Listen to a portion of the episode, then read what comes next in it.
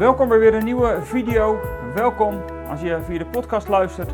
Fijn dat je er weer bij bent en fijn dat je meedoet, meeluistert, meekijkt, meeleest, meedenkt en vooral ook mee gelooft. Fijn dat je er dus bij bent. Een nieuwe video in de serie Leven in de Eindtijd. Dat is de serie waar we al een heel poosje met het boek Openbaring mee bezig zijn. En vandaag hoofdstuk 14. En misschien denk je naar de vorige keer wel, nou, dat, dat hoofdstuk 13, dat sloot heftig af. Dat klopt. En we, je hebt het gemerkt, over die Great Reset heb ik het laatste woord niet gezegd. Heel bewust ook niet, omdat we niet alles kunnen duiden. Dat zal straks misschien nog wel een keer wat duidelijker worden, want dat, dat beest met dat getal komt nog een keer terug. En dan is het maar net de vraag, ja, hoe zwaar dat je dan de Great Reset en misschien de hele coronapandemie, hoe je dat gaat koppelen aan dat beest. Want de gevolgen van die, degene die dat beest aanbidden, zul je straks zien, dat is namelijk nogal heftig. En dat heeft consequenties als je direct zegt, één op één dingen gaat overzetten. Nou, we gaan er straks misschien wel iets meer van zien. We kijken hoe ver dat we komen vandaag in hoofdstuk 14. Ik hoop iedere keer weer dat ik een hoofdstuk afkrijg. Dat is ook vorige keer gelukt. Daardoor was de video wat langer. Maar als ik naar de cijfers kijk van de mensen die gekeken hebben en de lengte hoe langer gekeken is, is dat blijkbaar voor de meesten geen bezwaar geweest. Kan misschien ook wel gewoon door de titel. Zo eerlijk moeten we dan ook weer zijn. Goed, hoofdstuk 14 dus uit het boek Openbaring. Mijn naam is Theo de Koning van eindeloosgelukkig.nl. Dat weten de meesten van jullie wel. En bij Eindeloos Gelukkig willen we eigenlijk heel graag dat elke gelovige een moedige en krachtige discipel van Jezus is. Die zijn Heer in alles wil volgen en het koninkrijk in deze wereld wil brengen. En in deze serie Leven in de Eindtijd wil ik ook graag je bemoedigen. Bemoedigen dat niet alles ene grote losgeslagen bende is. Want dat lijkt het soms, maar we hebben de vorige keer aan het begin van de video ook gezegd: het is geen dualisme tussen twee grote machtige rijken die gelijkwaardig aan elkaar zouden zijn. Het gaat tegenover God, het gaat God tegenover Satan. En God is de oneindig grote en Satan is niet meer dan dit. En dat zullen we ook vandaag zien, want als je nou dacht aan het eind van hoofdstuk 13 met het getal van het beest en dat er zoveel zijn die dat beest zullen aanbidden en dat het zo'n verschrikkelijke tijd zal zijn dat je niet meer kunt kopen en verkopen als je dat beest niet aanbidt. Als je al die dingen zegt, al die dingen overdenkt en er bij stilstaat, dan zou je kunnen zeggen wat een hopeloze toestand. En dan lezen we hoofdstuk 14. En dat vind ik dan wel heel mooi hoe dat in het intermezzo van de hoofdstukken 12 tot en met 14 gaat. Het lijkt dan wel of Johannes in één keer zo de andere kant op kijkt. Zo van, oh daar is ook nog iets te zien. En weet je wat hij dan, weet je wat hij dan ziet? Dit. Toen zag ik dit. Het lam stond op de Sion. Of ik moet zeggen de berg Sion.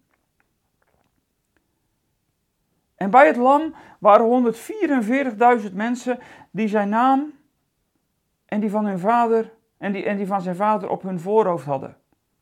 En ik hoorde uit de, uit de hemel een geluid dat klonk als het geluid van een geweldige watermassa's, van zware donderslagen. En het klonk als het geluid dat muzikanten maken die op de lier spelen. En er wordt voor de troon en voor de vier wezens en de oudste iets gezongen dat leek op een nieuw lied. Niemand kon het lied begrijpen, behalve de 144.000 mensen die van de aarde zijn vrijgekocht. Dat zijn degenen die zich niet met, het, met vrouwen hebben afgegeven, maar maagdelijk zijn gebleven. Zij volgden het lam waar het maar heen gaat. Ze zijn uit de mensheid vrijgekocht om als eerste opbrengst, of als je de oude uh, begrippen veel beter in je hoofd hebt, als de eerstelingen te worden aangeboden aan God en aan het lam. Geen leugen komt over hun lippen. Er valt niets op hen aan te merken. Ik stop hier even. Want het zijn allemaal stukjes in dit hoofdstuk. En dit is eigenlijk hetgene wat achteraan hoort te staan, maar wat als bemoediging naar voren wordt getrokken. Want hierna komen er nog een paar engelen en er komt hierna ook nog een, gerste, een, een graanoogst en ook nog een wijnoogst. Maar die wijn en die, die graanoogst die zit op het eind van de wereldgeschiedenis. Dat is het oordeel, dat zal ik er vast over zeggen. En en als dat geweest is, dan komt eigenlijk pas wat we nu gelezen hebben.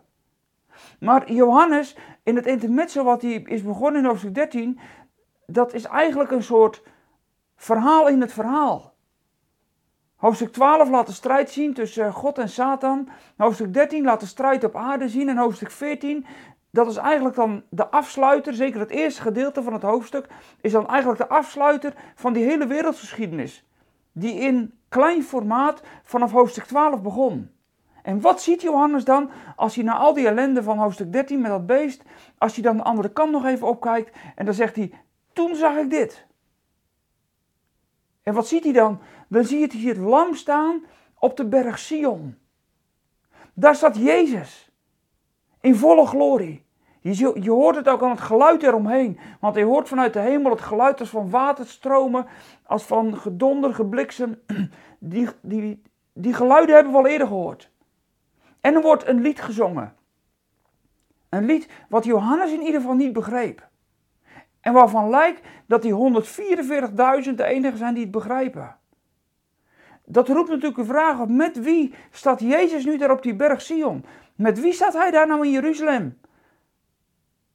Ja, met die 144.000. Maar wat, wie zijn dan die 144.000?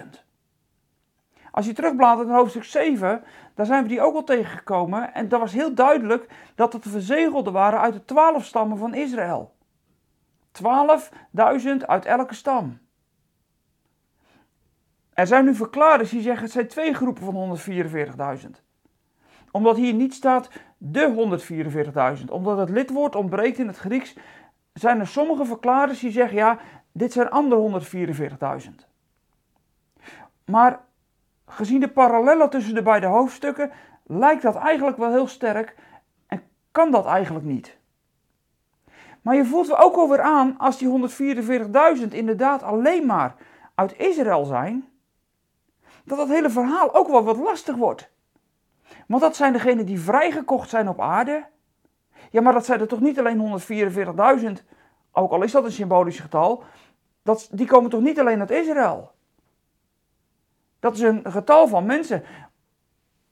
Ja, ja, nou goed, uit Israël. Oké, als we 144.000 uit Israël moeten zien. En hoe zit het dan met die anderen? Nou, het is maar de vraag of die 144.000 dan de enige zijn. Die 144.000, dat waren degenen uit Israël in hoofdstuk 7. Er waren er dus 144.000 Joden die tot geloof waren gekomen, 144.000 die uiteindelijk verzegeld zijn, beschermd zijn, daar kan niks mee gebeuren. Nou, je zou nog even kunnen denken, dat betekent dat dat een deel is van een groter geheel, die 144.000. Dat is sowieso natuurlijk wel zo, maar of dat, dat dan om dit deel een groter geheel staat, is maar de vraag. Dat lezen we in ieder geval nergens. Je zou hooguit nog kunnen zeggen, die 144.000, dat zijn dan degenen die verzegeld zijn uit Israël. Maar er zijn er nog meer die verzegeld zijn. Zo zou je het kunnen lezen. Maar die 144.000 hier, die hier samen met Jezus op de berg Sion staan, dat zijn bijzondere 144.000. En eigenlijk krijgen ze in dit hoofdstuk een betere duiding nog dan in hoofdstuk 7. Hier in hoofdstuk 14 wordt dan duidelijk dat het over de eerstelingen gaat. Ik heb net al bewust even gezegd, als je de oude begrippen kent, en ik hecht daar toch wel een beetje aan, want het begrip wat hier gebruikt wordt als de, ehm, die uit de mensen zijn vrijgekocht als de eerste opbrengst. Nou goed, je zegt hetzelfde, want de eerstelingen dat zijn de eerste opbrengsten van de oogst. Toch is het woord eerstelingen wel een wat bijbelse begrip. En daar hecht ik dat soms even iets meer aan, want dat duidt het gelijk. Het zijn de eerstelingen. Die 144.000 die al verzegeld waren. En die 144.000 die hier genoemd worden samen met het lam op de berg Sion. Dat zijn de eerstelingen van de Joden die tot geloof zijn gekomen. Het is het eerste gedeelte wat ging geloven in Jezus. En daarmee het teken van de Vader en de Zoon op het hoofd hebben gekregen. Overigens, dat teken, dat is het tegenbeeld van het teken 666, het teken van het beest. Eigenlijk zou je kunnen zeggen, er is niemand meer straks die geen teken heeft gekregen. Want of je hebt het teken van Jezus, of je draagt het teken van het beest. Maar gegraveerd wordt er. Waarvan het lijkt dat het gegraveerde teken van het beest uit hoofdstuk 13 een duidelijk en fysiek teken is, terwijl hier het niet per se over een heel gegraveerd teken gaat. Dan kun je nog afvragen, wie zijn dan die 144.000 verder nog? Nou, dat, staat dan, dat zijn hier degenen die niet met vrouwen bevlekt zijn. Dat is lastig. Als je dat zegt. Want dat zou betekenen dat die 144.000 alleen maar mannen zijn. Nee, zo, ik denk niet dat je dit letterlijk kan nemen. Dat niet met vrouwen bevlekt zijn, dat zijn degenen die dus uiteindelijk, maar dan moet je eigenlijk al verder lezen in het boek Openbaringen, en eigenlijk weten wij dat natuurlijk al lang, maar het loopt straks uit tot de bruiloft van het lam. Het zijn dus degenen die rein zijn gebleven voor het huwelijk. Dat is een kenmerk wat die 144.000 dragen. En hier staat Jezus met de eerstelingen, die zijn dus waarschijnlijk met hem meegekomen terug uit de hemel vandaan dan, want dat zijn degenen die natuurlijk al lang boven zijn. Maar die eerstelingen laat wel zien wie het zijn die daar straks met het lam ten hemel zullen ingaan. En dan is dit heel troostrijk. Want dat zijn degenen die niet met vrouwen bevlekt zijn, die dus rein gebleven zijn tot de dag van het huwelijk met het lam. De bruid van Christus, die rein is gebleven, die zich niet vermengd heeft met de afgoden van deze wereld. Dat is een kenmerk wat die 144.000 als eersteling hebben. Maar dat is ook het kenmerk van degene die straks met Jezus thuiskomen. En daarom is hoofdstuk 14 een bemoedigend hoofdstuk. Daarom begint hoofdstuk 14 ons even een andere kant op te laten kijken. Want je zou maar blijven hangen in dat teken van het beest. En dat niet kunnen kopen en verkopen. En hoeveel mensen? Kijk even om je heen. Kijk even op je social media. Hoeveel mensen hebben het er niet over? Dat misschien corona wel het teken van het beest is, of dat misschien de Great Reset het wel is. En dat wordt allemaal precies geduid. Maar kunnen we het allemaal wel zo duidelijk duiden? En als je dat al kan duiden, weet dan, er is meer. Er is ook nog hoofdstuk 14. Het lam dat komt. En terwijl dat, dat allemaal gebeurt, en dat zijn ook degenen die geen bedrog spreken, kun je dan zeggen dat dat een soort heiligen zijn? Ja, dat zijn heiligen. Dat zijn de heiligen die gekocht zijn met het bloed van Jezus. Die zijn schoongewassen, die zijn rein geworden. Het wil niet zeggen dat ze altijd zo geweest zijn, maar ze hebben geluisterd naar de stem van het eeuwenoude evangelie. En ik benoem dit bewust even, omdat dit eeuwenoude evangelie straks, vlak voor het eind van alle dingen, nog eenmaal krachtig lijkt rond te gaan als je hoofdstuk 14 uitleest. Er gaat nog een waarschuwing straks over de aarde om het evangelie te geloven. Dus degene die het beest hebben aanbeden, die krijgen nog een kans. Er is nog een weg terug tot het laatste moment toe. Want er gaat straks nog een engel over de aarde met dat eeuwenoude evangelie. En nog een keer de oproep om God te eren en Hem te dienen. En ja, dan zijn dit heiligen. En ben jij ook een heilige als je gewassen bent in het bloed van Christus? En ben je niet bevlekt met de afgoden? Ben je niet bevlekt met leugen en bedrog? wil niet zeggen dat je altijd zo heilig leeft. Maar dit is wat het is als je verzegeld bent door de Vader. Omdat je schoongewassen bent door het bloed van het lam. Want dat lam hier, dat staat hier weer. Weer dat lam. Bewust wordt Jezus niet genoemd, maar het lam wordt genoemd. Dat de zonde van de wereld wegneemt.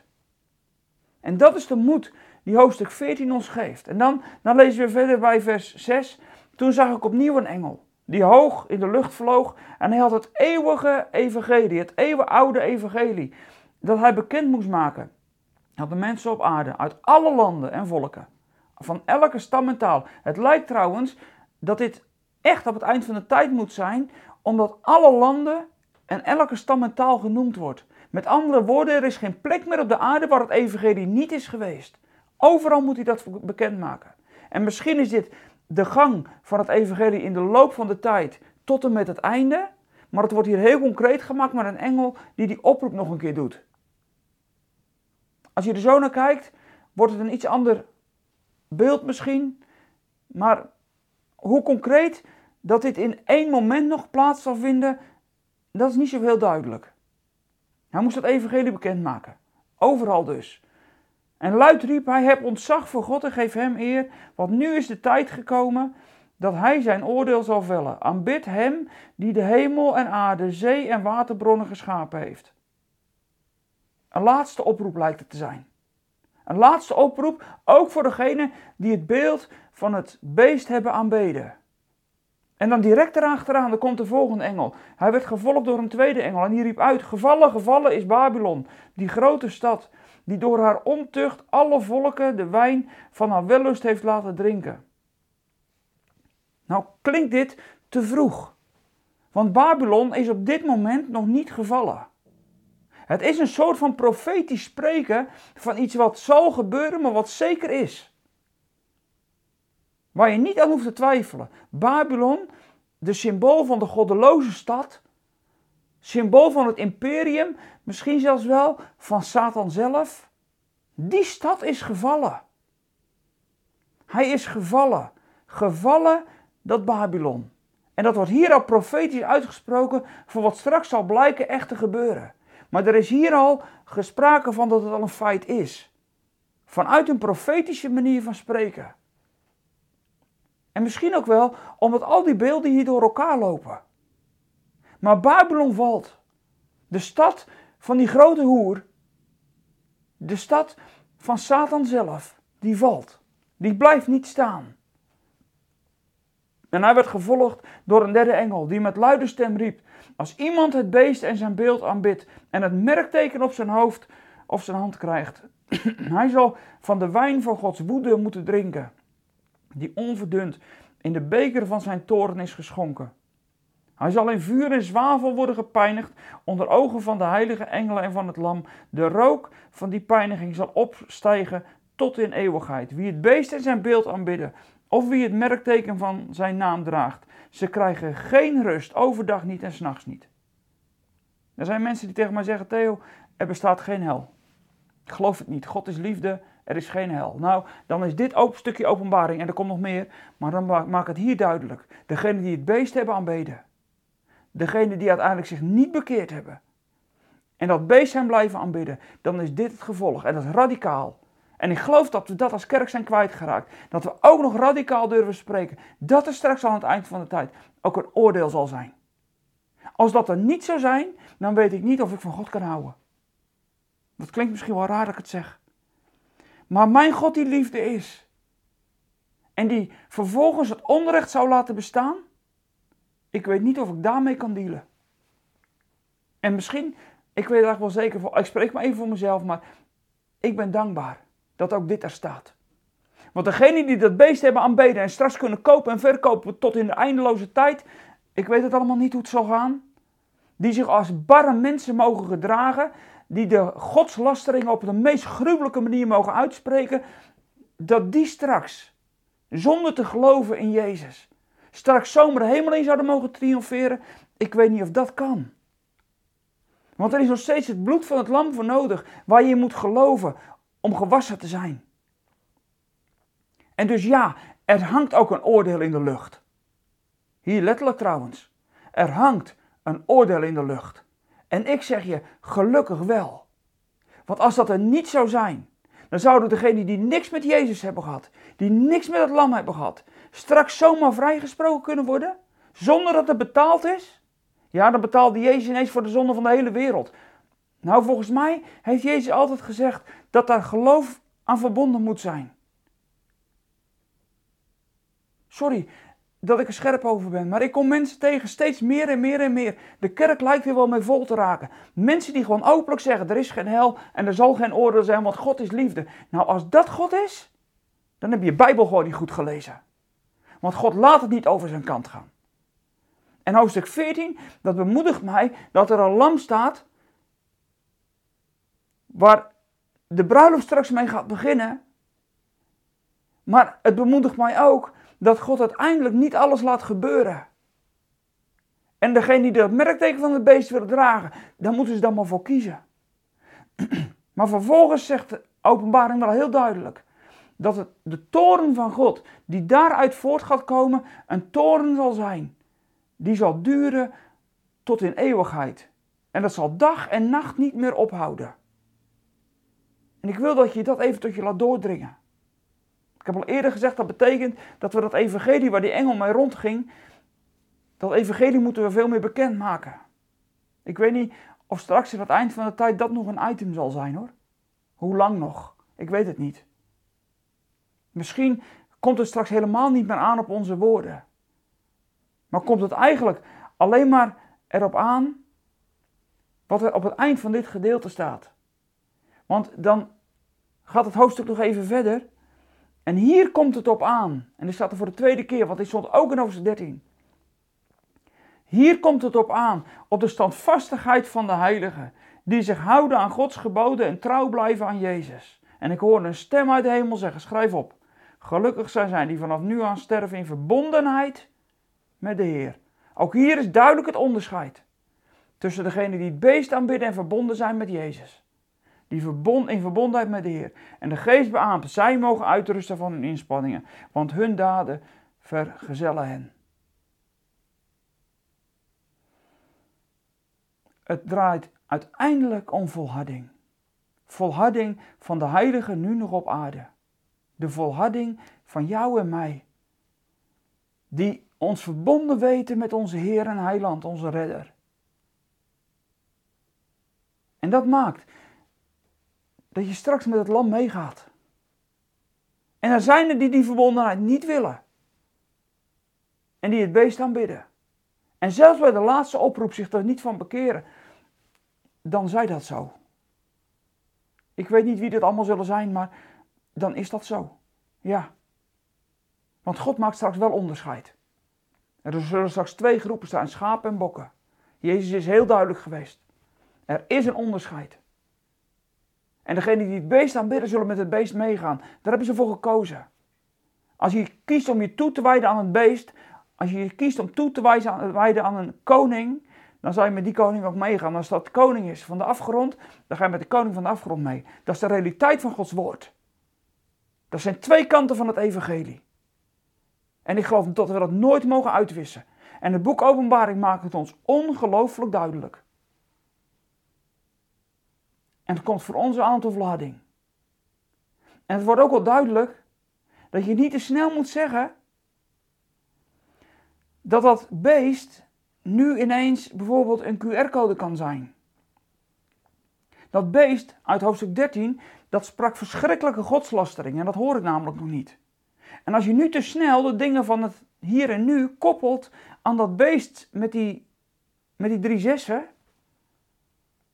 als je dat te snel koppelt, dan zou je mensen zomaar gaan afschrijven. Want dan wordt die ineens heel lastig voor degenen die verbonden zijn met Jezus en bijvoorbeeld wel dingen doen waarvan jij zegt die horen bij het beest.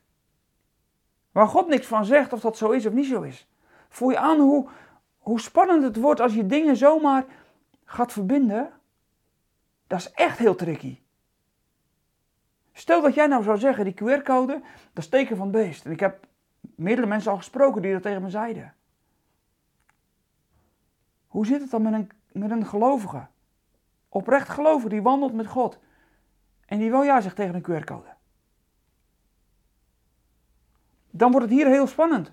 Want degene die, die, die dat teken van het beest zouden hebben, die zullen branden in alle eeuwigheid.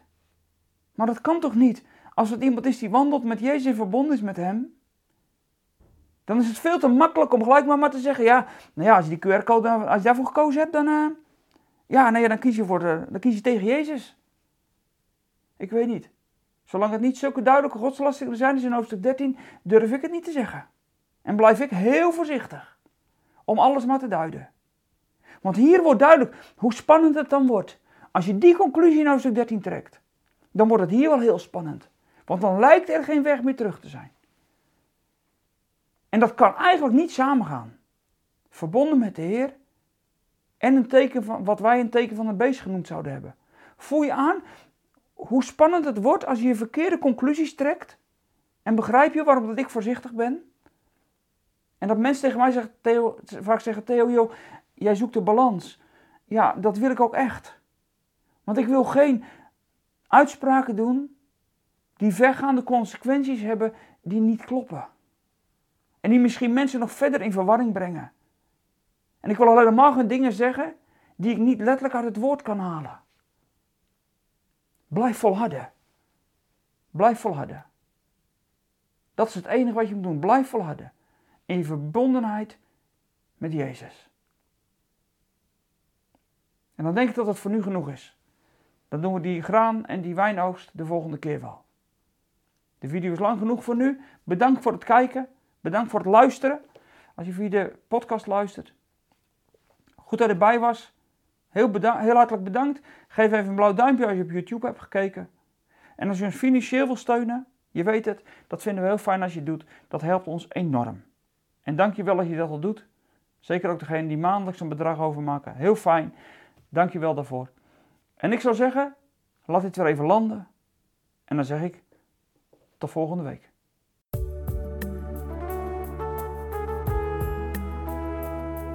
We zijn er weer aan het einde van deze podcast. Spreken deze podcast je aan en wil je ons met de gift ondersteunen? Kijk dan voor meer informatie op www.eindeloosgelukkig.nl slash podcast.